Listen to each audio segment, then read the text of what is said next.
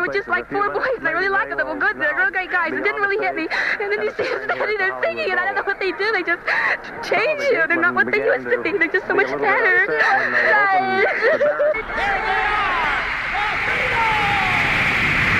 This is the sound of Beatlemania.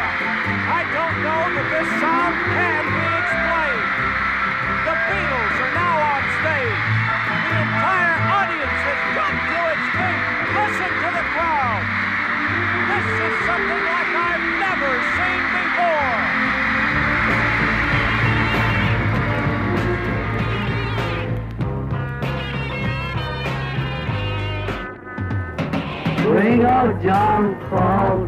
מסע הקסם המסתורי, סיפורה של להקת החיפושיות. מסע הקסם המסתורי, סדרת תוכניות בעריכת יואב קוטנר. והיום הפרק השמונה עשר, כרטיס נסיעה, בריטניה, 1965.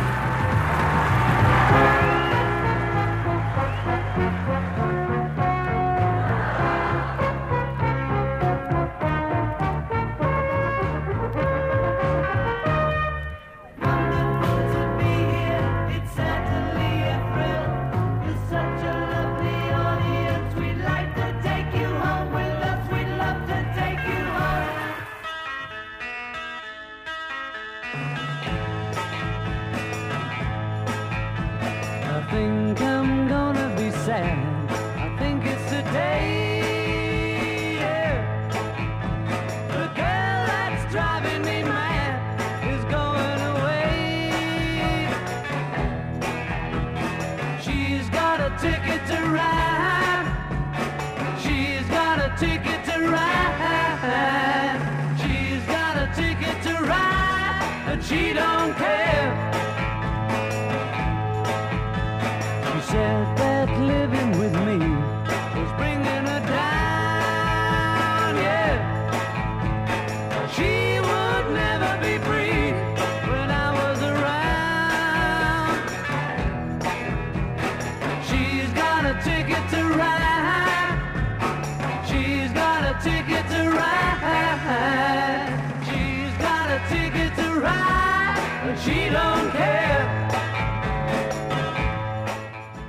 שלום לכם. הפרק ה-18 במסע הקסם המסתורי מביא אותנו לשנת 1965. הביטלס הם הלהקה המצליחה ביותר בעולם. הביטלמניה חוגגת בכל מקום. באנגליה עצמה גרמה הצלחת הביטלס להתפוצצות אומנותית וכלכלית. עשרות להקות קמו וזכו להצלחה בעקבות הביטלס. חלקן היו להיט רגעי ונעלמו, אחרות הפכו לתחרות של ממש לחיפושיות. ב-1965 גילה עולם הפופ נגנים מעולים. פיט טאונשנד, אריק קלפטון, ג'ף בק, קיט ריצ'ארד ורבים אחרים שהפכו אחר כך לכוכבי ענק.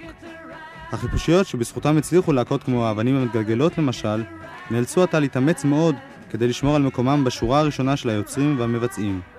התחרות עם אומנים אחרים הביאה להתפתחות רבה ביצירת הביטלס, לכן נקדיש היום חלק ניכר מהתוכנית לשמיעת להקות אחרות שהצליחו בשנים 64-65. השמעת להקות ומבצעים אחרים תיתן גם קנה מידה נכון יותר ליצירת הביטלס, שהרי הם לא פעלו בחלל ריק. בנוסף לתצפית על עולם הפופ בשנת 1965, נביא בתוכנית היום גם סקירה קצרה של הפריחה הכלכלית באנגליה על רקע הצלחת החיפושיות, וכן ניתוח של תופעת הביטלמניה בעזרתו של דוקטור אריה נדלר, מרצה בכיר לפסיכולוגיה חברתית באוניברסיטת תל אביב. אך קודם כל למוזיקה של החיפושיות, ולתקליטון שעל שמו נקראת התוכנית היום, Ticket to Ride, כרטיס נסיעה. ג'ון לנון שכתב את השיר הזה, אמר שזהו אחד השירים האהובים עליו ביותר, כיוון שהוא היה בעל צליל חדש, כבד בהרבה מכל מה שהביטלס הקליטו עד אז. פול מקארטני מנגן כאן בגיטרה מובילה, ורינגו מתופף טוב יותר מאשר אי פעם בעבר. כרטיס נסיעה, 9 באפריל 1965.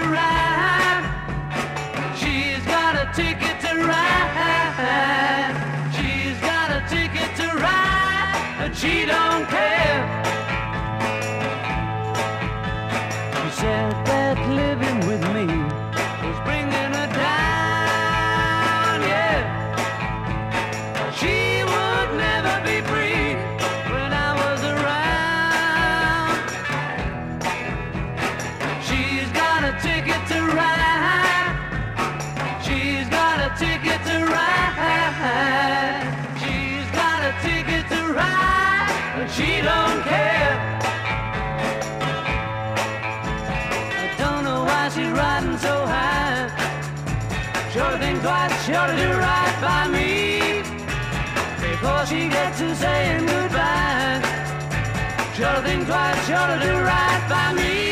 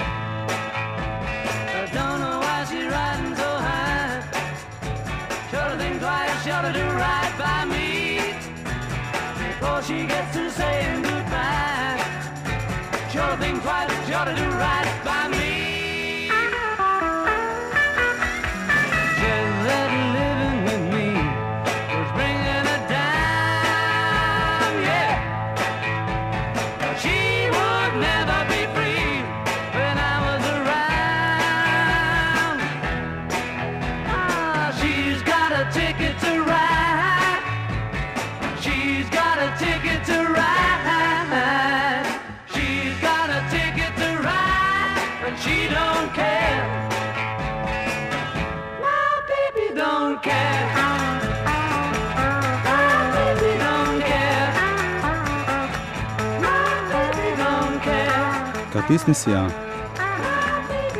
בצידו השני של התקליטון הופיע השיר "Yes It Is". כאן השתמשו הביטלס לראשונה במכשיר עזר שהיה אז בגדר חידוש, פדל המשנה את העוצמה והטון בגיטרה. ג'ורג' אריסון נזכר אחרי שנים אחדות בהרמוניה הנפלאה של השיר הזה, ואפילו ניסה לשיר אותה. Unlike three-part harmony, we never done something like that for years, I think, since a B-side. When you were tonight, what I said tonight. So I like that.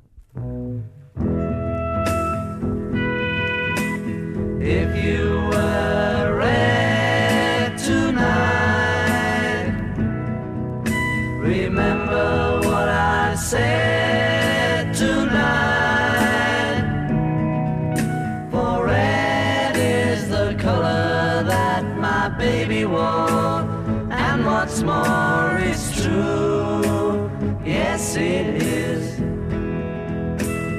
scarlet were the clouds.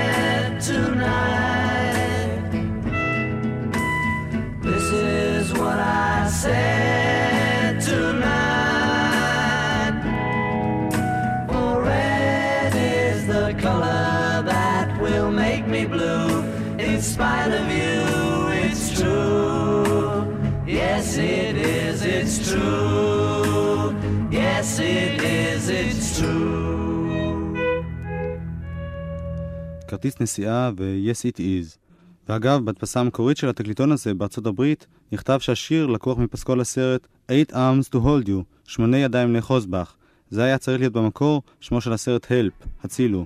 סרט אליו נגיע בתוכנית הבאה.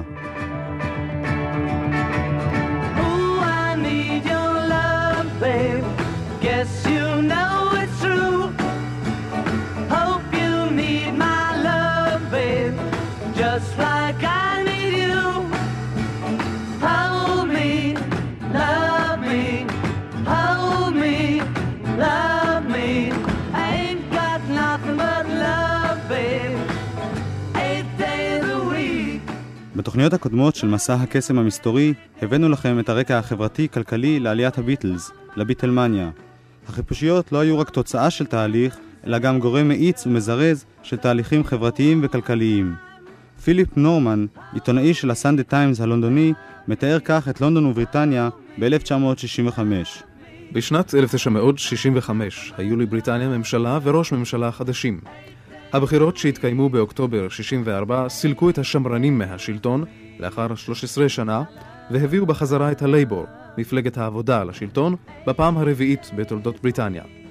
הסמכות השלטונית עברה מידי אנשי המעמד הגבוה באנגליה לידיו של אדם שמנמן, כסוף שיער, שעישן פייפ ובילה את חופשותיו בסיציליה.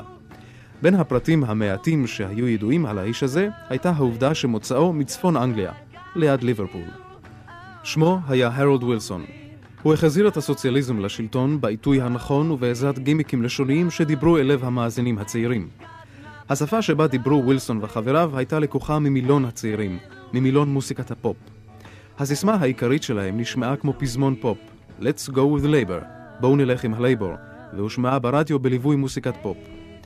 מוסיקת הפופ עזרה לדימוי שווילסון רצה ליצור, בריטניה חדשה, צעירה, דינמית, מחושלת. אפילו הביטלמניה נותרה בצל כשהחלו מאה הימים הראשונים של הממשל החדש. בין השרים החדשים היה אחד שלא היה חבר פרלמנט, והייתה אפילו אישה.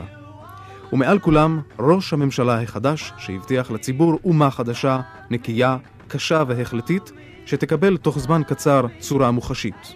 הרולד ווילסון נפגש כבר בעבר עם החיפושיות, כשהיה עדיין ראש האופוזיציה. לנון קרא לו בפגישה ההיא מיסטר דובסון. אך לווילסון זה לא היה אכפת. העיקר מבחינתו היה הפרסום שניתן לפגישה הזו. הוא והביטלס הופיעו ביחד בתצלומי ענק בכל עיתוני בריטניה, כשווילסון מחייך חיוך של אדם שגילה סוד כמוס. החלטתו, אחרי שנבחר להיות ראש הממשלה, להמליץ למלכת בריטניה להעניק תוארי אבירות לביטלס, שכנעה את הציבור הבריטי שהוא בחר בראש הממשלה הביטלסי הראשון בתולדות בריטניה.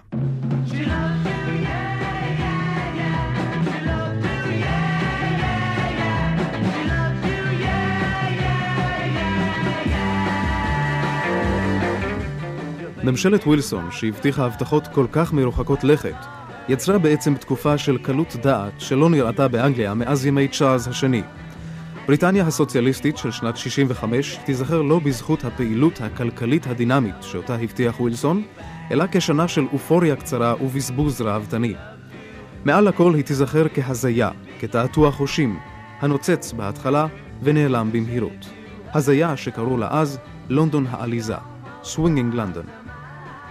לונדון העליזה נולדה למעשה בתקופה שבה הביאו חובותיה של הממשלה, מבית ומחוץ, את בריטניה אל סף משבר כלכלי. הזמנים הקשים, אותם הבטיח ווילסון, היו בלתי נראים באותה תקופה. מה שכן היה גלוי לעין, היה הבום הפתאומי של בזבזנות, בעיקר בקרב הצעירים. אופנה חדשה השתלטה על לונדון. צעירות בבגדי שחור לבן בסגנון האופ-ארט, בחצאיות קצרות עד להדהים. צעירים שחיכו בתור בפתח מועדון המרקי לבושים בחולצות פרחוניות ומכנסי שלושת רבעי. מוספי סוף השבוע דיווחו על האופנה החדשה כקו חדש ומותרות שאין להתבייש בהן. שבועונים כמו טאון וקווין שיקפו את המתרחש והגדירו אותו בתחומים של טעם וסטייל. אופנת הצעירים הפכה לעובדה ונקשרה כמעט באופן תת-הכרתי לביטלס. מעצבי האופנה, כמו מרי קוונט, צלמים ודוגמנים, זכו לתהילה כמעט שווה לזו של כוכבי הפופ, כשהעבירו את חנויותיהם לרחוב קרנבי בווסט אנד. לונדון העליזה התבטאה במראה, חצאיות קצרות, כובעים משעשעים, לבוש קליל, ותוך זמן קצר היא הייתה גם נקיטת עמדה, גישה לחיים, גישה שבאה במפורש מהביטלס. כפי שהם הסתכלו בעיניים פקוחות על העולם המוזר הסובב אותם, כך הביטו צעירי לונדון על הבירה הזקנה שלהם, שכאילו נאורה לפתע בעליצות. התמצית של לונדון העליזה הייתה בקיום שלה מול לונדון הבלתי עליזה. נגד לונדון השמרנית של המוניות השחורות, האוטובוסים האדומים, שומרי המלכה, אתרי התיירות הגדולים והמכובדים, פסלי העבר שהצעירים לעגו להם. עכשיו הודפס הסמל המקודש של חבר העמים הבריטי על שקית ניילון לקניית מצרכים. תמצית לונדון העליזה הייתה נועזות וחוצפה, כמו החיפושיות. זה היה דבר בטוח. אם הביטלס יכולים להתנהג כך, כל אחד יכול להתנהג כך. You know you look so good, look so good.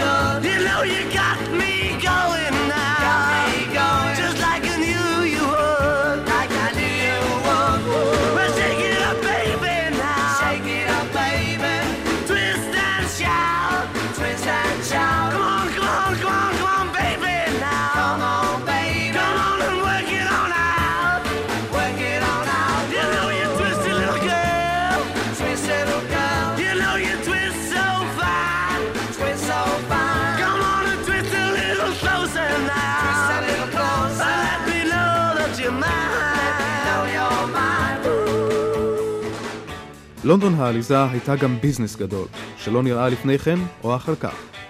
במשך כל הקיץ נפתחו עשרות חנויות בגדים חדשות, בכינוי החדש בוטיקים. הייתה פריחה של מספרות אופנתיות שהציעו תספורת בסגנון מרי קוונט, מסעדות וחנויות למאכלים אופנתיים הפכו לשלאגרים. עשרות מועדוני ריקודים חדשים קמו, כשהם מנסים לחקות את המועדון האופנתי ביותר, אד-ליב. כל מי שחש עצמו אין, היה חייב לבקר בכל המקומות האלה. האנשים החשובים ביותר בחברה החדשה שנוצרה, אלה שהיו הכי אין, היו החיפושיות והקליקה שלהם. השערות שלהן היו ארוכות ומעוצבות, הבגדים שלהם היו תמיד צעד אחד לפני רחוב קרנבי. הביטלס היו המודל והמוסיקה שלהם הייתה הרקע, לבוטיקים, למסעדות, לכל שאר ההיבטים של לונדון העליזה. דמויותיהם של ארבעת החיפושיות יצרו דגם חדש באופנת הפופ-ארט. סרטם הצילו היה גילום של לונדון העליזה. במוסיקה שלו, בצבעוניות שלו, בחלקים המצוירים בסגנון הפופ-ארט שבו. כמו בסרטם הראשון, גם כאן נעשה תיעוד של חיי הביטלס והתקופה. אך הפעם לא היו אלה החיים האמיתיים שלהם, אלא פנטזיה, שכל לונדון הייתה שותפה ליצירתה. לונדון העליזה, 1965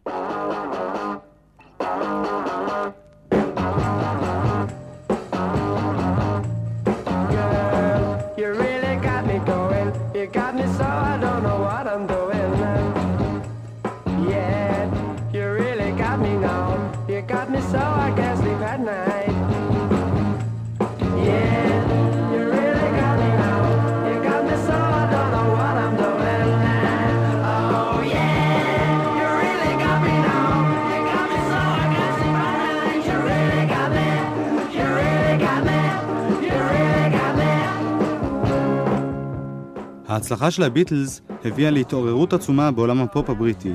את הדקות הבאות נקדיש להתעוררות זו. עד בוא הביטלס היה הפופ הבריטי נגזרת של הפופ האמריקני. אומנים בריטים נהגו לחקות את הכוכבים האמריקניים ולבצע את להיטיהם. אף אומן אנגלי לא זכה להצלחה ממשית בארצות הברית. הצלחת הביטלס שינתה הכל. מאות להקות חדשות צמחו בבת אחת בבריטניה, ורבות מהן זכו להצלחה גם בארצות הברית. בין הלהקות הרבות היו כאלה שניסו ממש להעתיק את הנוסחה של הביטלס, בסגנון, בלבוש, בהופעה. אחרות היו שונות לגמרי מהביטלס, חלקן גם נועזות ומתקדמות יותר. לא נוכל בתוכנית אחת לתת תמונה מלאה של עולם הפופ הבריטי בשנת 65, אבל נזכיר חלק מהלהקות הבולטות בתקופה בה אנו עוסקים. פתחנו בלהקת הקינגס, שלהייתה הראשון You Really Got Me, הוקלט בשנת 64. בשנה זו קמה גם להקת המודי בלוז, שהביאה את הלהיט Go Now, ולהקת חלות הדבש, שהביאה את הלהיט Have I the Right.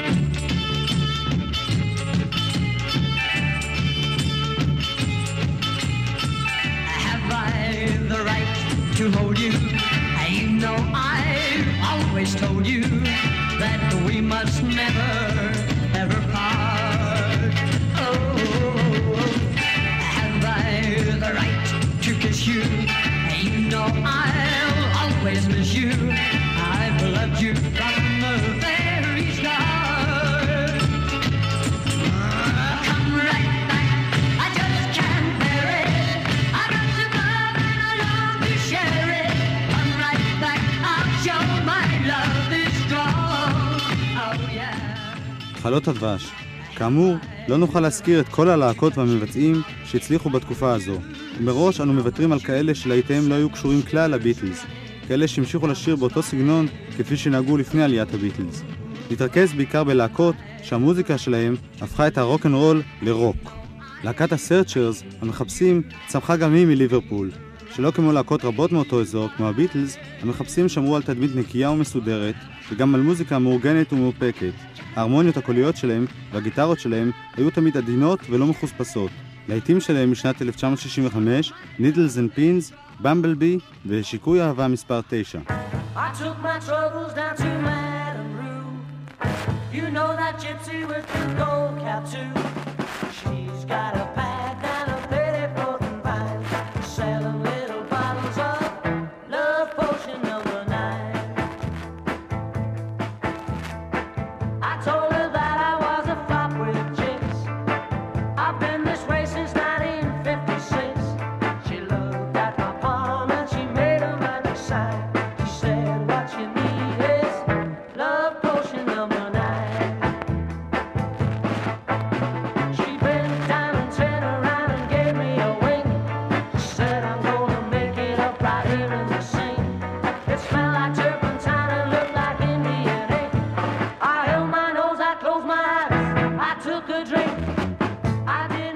know. הסווינגינג בלו ג'ינס היו גם הם מליברפול, הם היו ההפך הגמור של המחפשים. הם היו סוערים, מחוספסים ומלאי אנרגיה. הקריירה שלהם הייתה קצרה מאוד, וזה היה הלהיט הגדול ביותר שלהם, היפי היפי שייק. For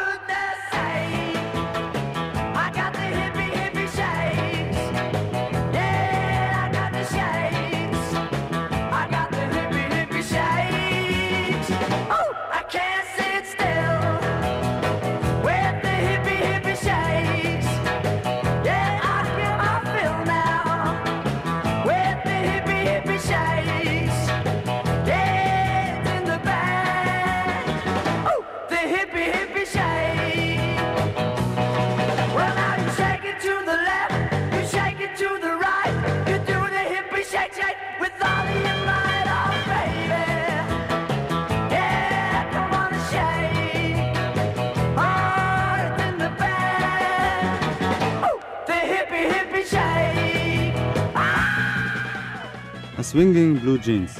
שתי להקות נוספות שצמחו מאותו רקע היו בילי ג'יי קרמר והדקוטות וג'רי והפוסעים. את בילי ג'יי קרמר שמענו כבר בתוכניות הקודמות, כמבצע השירים שנתנו לו לנון ומקארטני. בילי היה בעיקר זמר של בלדות שקטות, שהיו פופולריות בפופ הבריטי עוד לפני בוא הביטלס. ג'רי והפוסעים היו גם הם תחת אמרגנותו של בריין אפשטיין, אך הם היו סיפור הצלחה גדול בהרבה מזה של בילי ג'יי קרמר. הלהיטים הגדולים ביותר של ג'רי והפוסעים היו שירי אהבה מתוקים, Don't Let the Sun Catch You Crying ו-Ferry Cross the Mercy.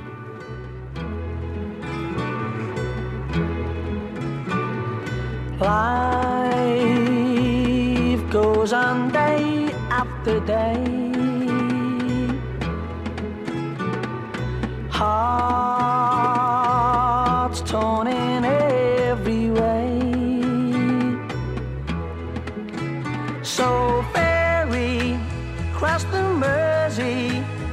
cause this land's the place I love, and here I'll stay. People, they rush everywhere. Each with their own secret care.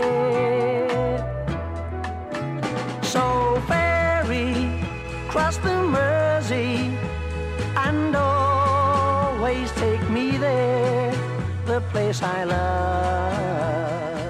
ג'רי והפוסעים. בעקבות הצלחת הביטלס, שהיו להקה ליברפולית, קמו להקות בערים רבות. ממנצ'סטר באו ההוליס, ויין פונטנה ומכופפי הדעה, פרדי והחולמים. מלונדון הגיעה להקה חשובה הרבה יותר, חמישיית דייב קלארק. דייב קלארק שר, חיבר את השירים, תופף, הפיק, והיה אפילו האמרגן של הלהקה. הייתה לחמישיית דייב קלארק שרשרת להיטי ענק עד שנת 65. Glad All Over, Beats and Pieces, Catch Us If You Can, Over and Over, והלהיט הגדול ביותר, Do You Love Me. Why do you love me? Why do you love me?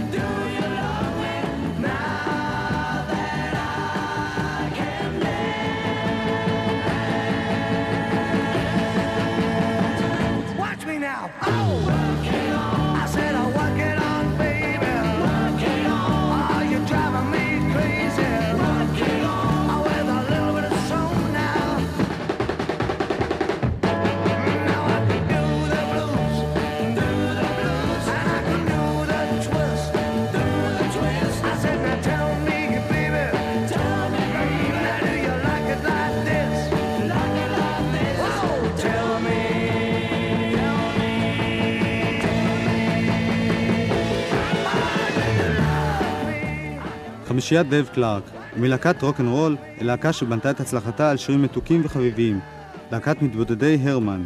בין הלהיטים הגדולים ביותר שלהם, אני צועד לתוך דבר טוב, גברת בראון יש לך בת נפלאה, ואני הנרי השמיני.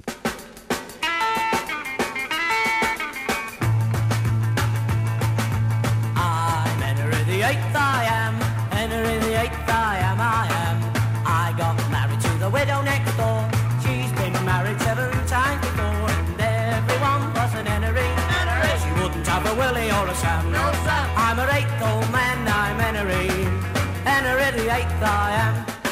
Second verse, same as the first. I'm Henry the eighth I am. Henry the eighth I am, I am. I got married to the widow next door. She's been married seven times before and everyone was an Henry. Henry. She wouldn't have a Willie or a Sam. No, Sam. I'm a eighth old man, I'm Henry. Henry the eighth I am. Hermann Hermits אחת הלהקות המקוריות והמיוחדות ביותר שצמחו בפריחה של 64-65 הייתה להקת הזומביז, להקה שמבחינות רבות, כמו צליל להקלטה למשל, הקדימה מאוד את זמנה. הלהיט הגדול ביותר שלהם בשנת 64 היה She's Not There, היא אינה שם.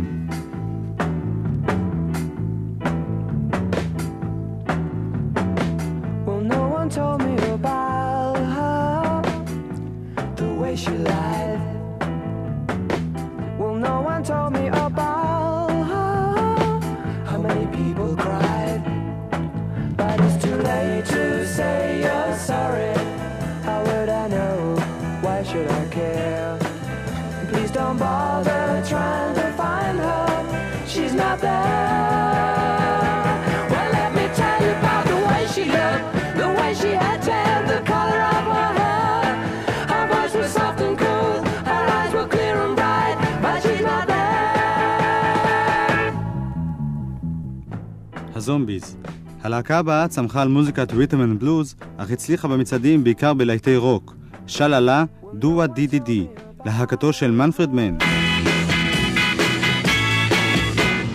There she was, just walking down the street singing.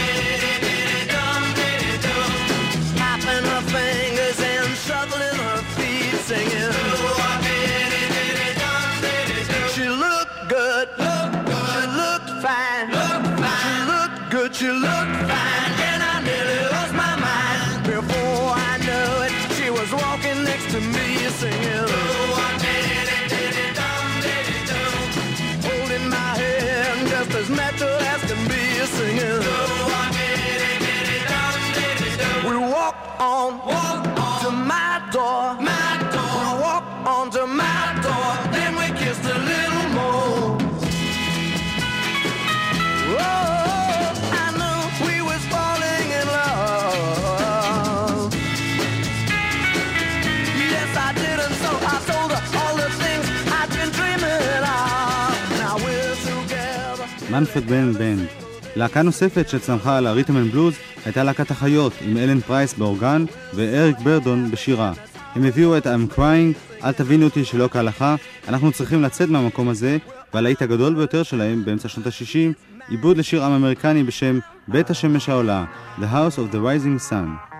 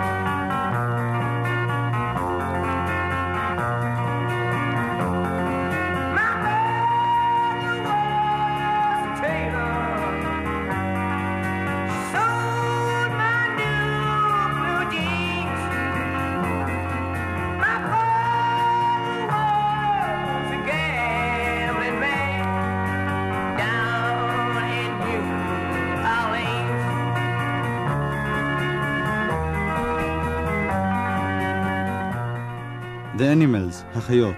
גם להקת ציפורי החצר, היארד בירדס, בה ניגן אריק קלפטון, ביססה את הרפרטואר שלה על אנד בלוז. להיטים שלהם באותה תקופה היו "אני גבר", "לב מלא נשמה" ו"למען אהבתך", For Your Love.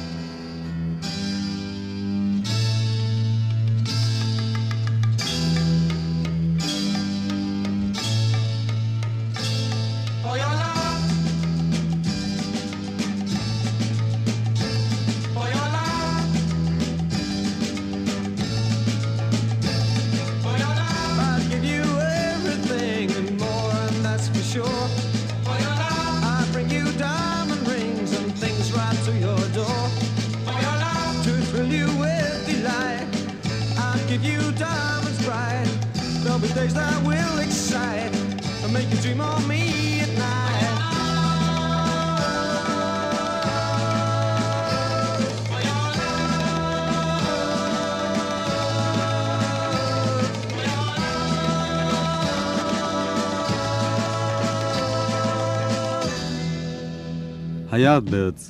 הלהקה החשובה ביותר שצמחה על רקע של ריתם אנד בלוז והייתה התחרות הרצינית לחיפושיות, הייתה להקת האבנים המתגלגלות. בעוד הביטלס היו ילדים טובים בסך הכל, נעימים ומלודיים, הרולינג סטונס היו גסים, נועזים ותוקפניים.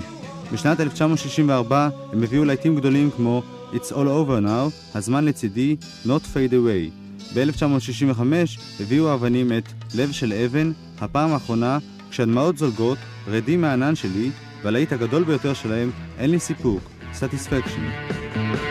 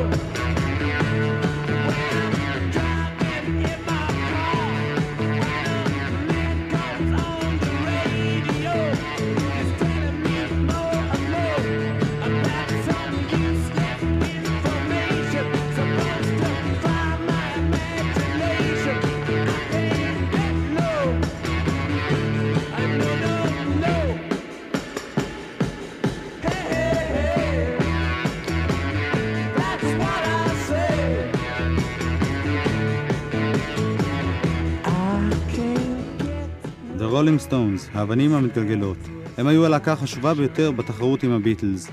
בתוכניות הבאות נקדיש מקום מיוחד ליחסי החברות-תחרות בין הביטלס והרולינג סטונס. להקה אחרת שהייתה בעלת השפעה עצומה על הביטלס הייתה הלהקה האמריקנית נערי החוף, The Beach Boys. גם לה נתייחס בהרחבה בעתיד. אם כבר מדובר על עולם הרוק האמריקני, הרי שבשנת 1965 חלה מהפכה של ממש בעולם זה. אומנים רבים שהתבססו על מוזיקת פולק, מוזיקה עממית, חשמלו את המוזיקה שלהם פתאום. הם הפכו אותה לרוק, במידה רבה בהשפעת הביטלס.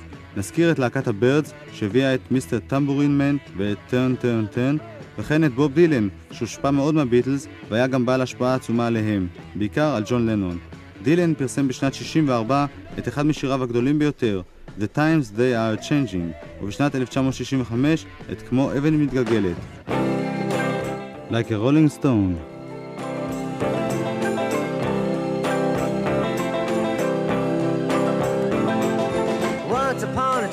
So fine, threw the bumps of dime in your prime. Then you, people call, say beware doll, you're bound to fall. You thought they were all kidding you. You used to laugh about everybody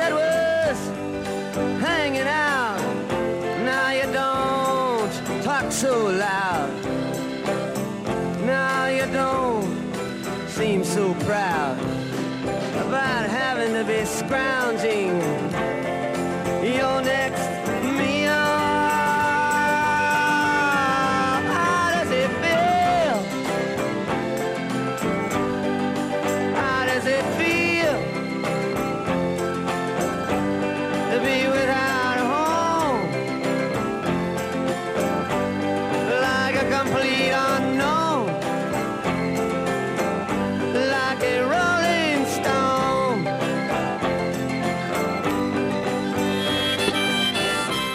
בוב דילן. ועד כאן סקירה קצרה וסלקטיבית מאוד של עולם הפופ, עולם הרוק, בשנת 1965. ושוב אל הביטלס.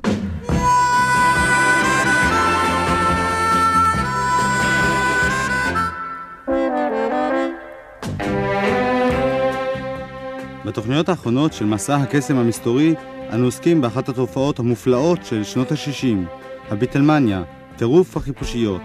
מדוע בעצם התרחשה התופעה הזו? מה גרם לצעירים להיכנס למצב של היסטריה בהופעות של הביטלס? לשיחה על הביטלמניה, הזמנתי לאולפן את דוקטור אריה נדלר, מרצה בכיר לפסיכולוגיה חברתית באוניברסיטת תל אביב. ראשית מתייחס לתופעה הכללית של אה, התפרקות המונים.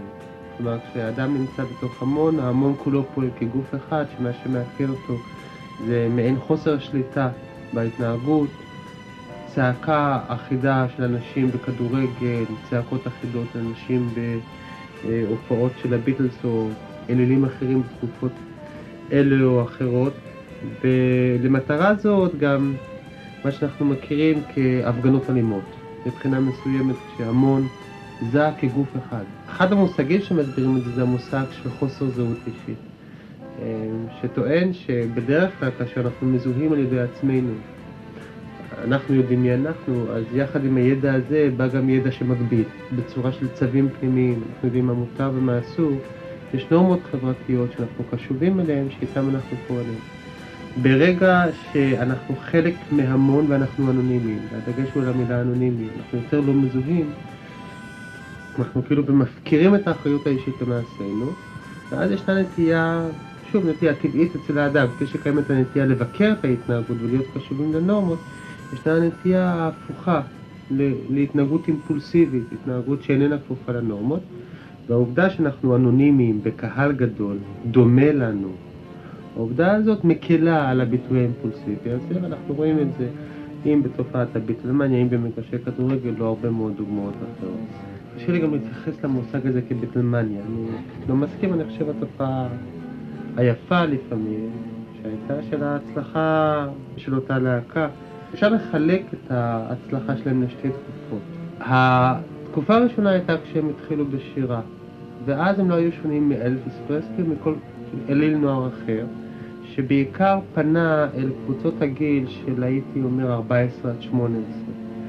אה, קבוצות גיל שמבחינה פסיכולוגית מתאפיינות בחיפוש אחרי זהות אישית, והחיפוש אחרי זהות אישית מוקל, הוא נעשה על ידי חיפוש סמלי.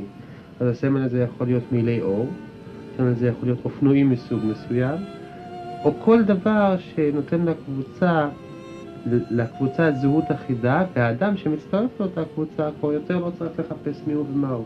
הוא חלק מהקבוצה שמאמינה בי. אז התופעה הזאת הייתה נכונה לגבי הצלחות זמר שונות.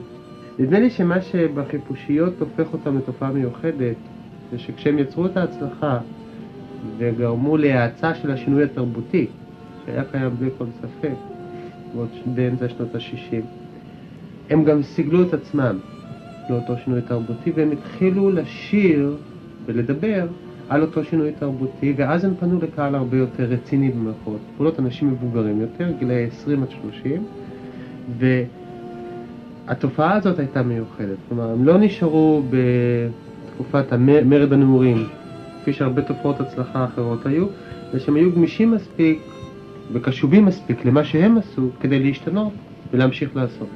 יחד עם ההתבגרות של האדם השתנתה הקבוצה, ואז הוא ממשיך להזדהות, ואז הזדהות שנמשכה את האנשים מגיל 15 לפעמים עד גיל 30 פלוס. אותם צעירים גדלו והמשיכו להיות קשובים, כי הדבר דיבר אליהם.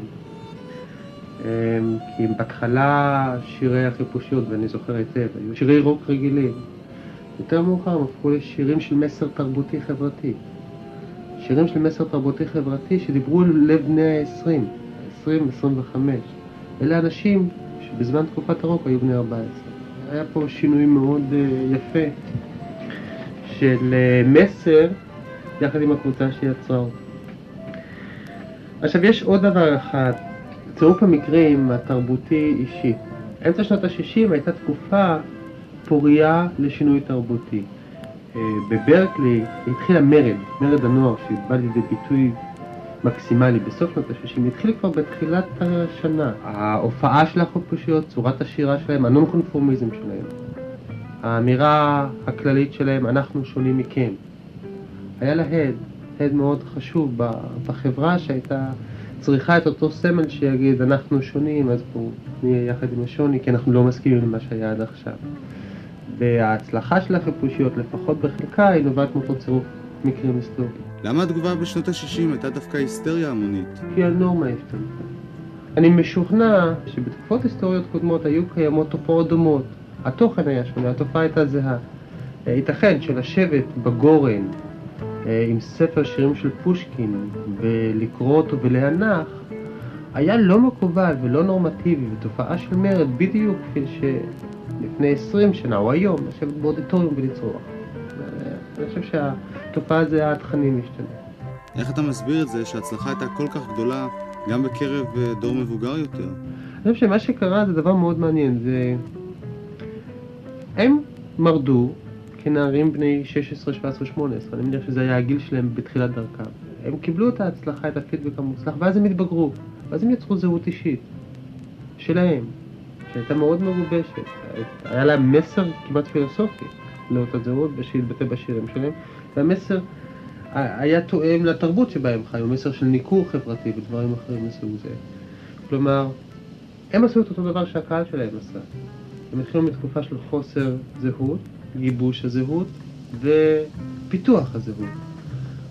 אותה תופעה בריאה, עם קו מאוד מודגש מתחת למילה בריאה של חיפוש זהות, גיבוש זהות ופיתוח של זהות, שעשה כל אחד ששמע אותם שרים.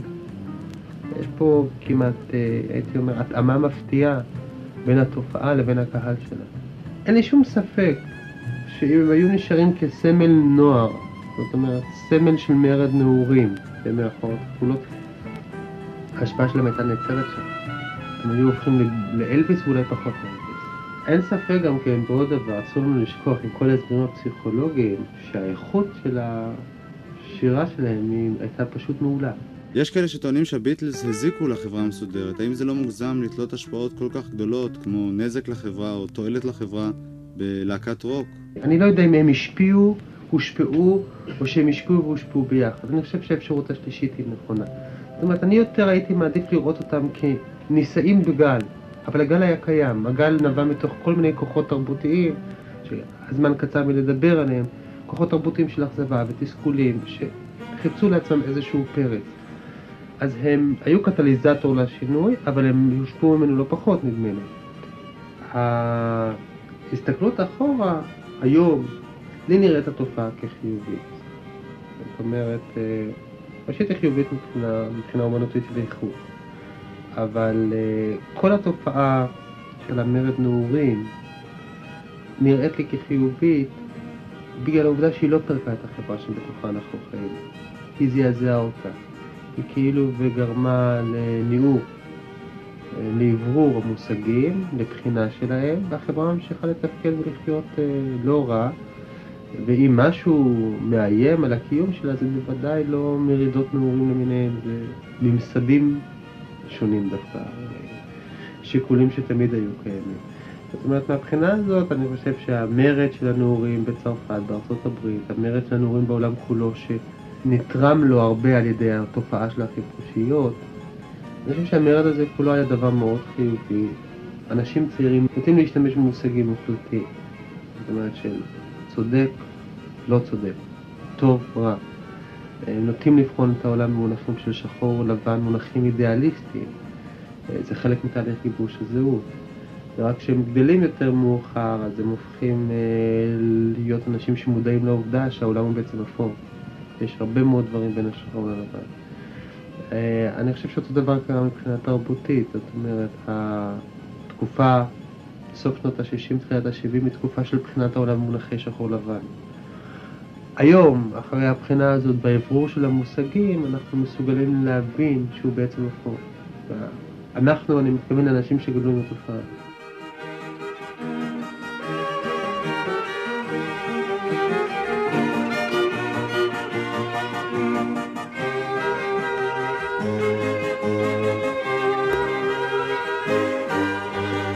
תודה לדוקטור אריה נדלר, אנחנו נשוב ונשוחח איתו בהמשך הסדרה.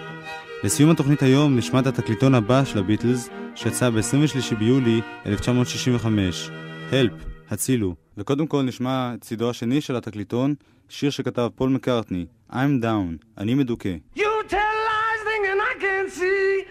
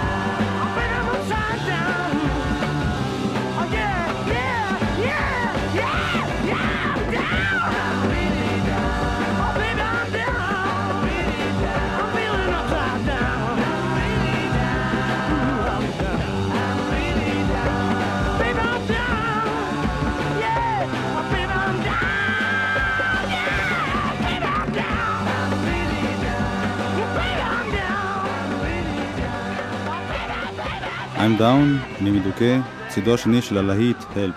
וזהו הלהיט עצמו, הצילו, שימו לב, גרסה שנשמע בתקליטון שונה מגרסת האלבום. אל האלבום "הלפ" נגיע בתוכנית הבאה. Help. Help, you know I need someone.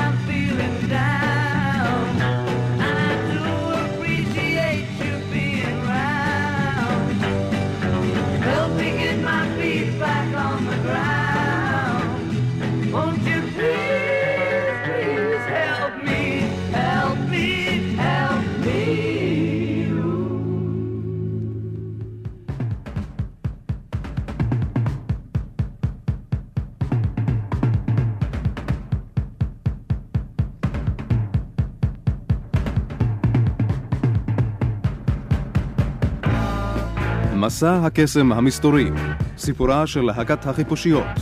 סדרת תוכניות בעריכת יואב קוטנר. עוזר עריכה עודד היילברונר. הקליט יצחק פסטרנק.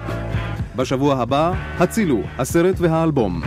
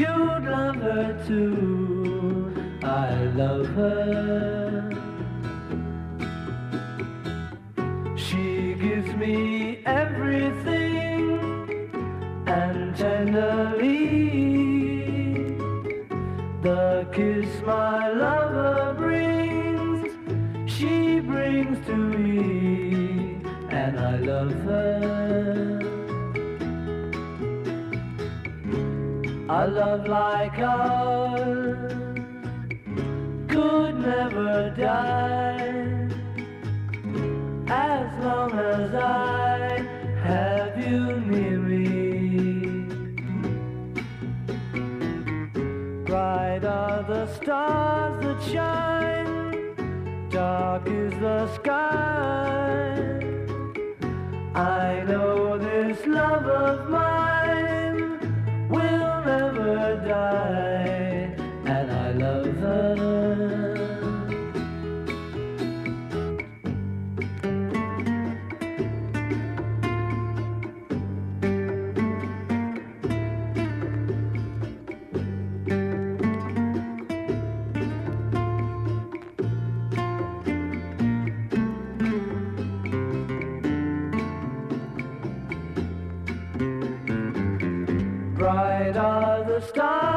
sunshine.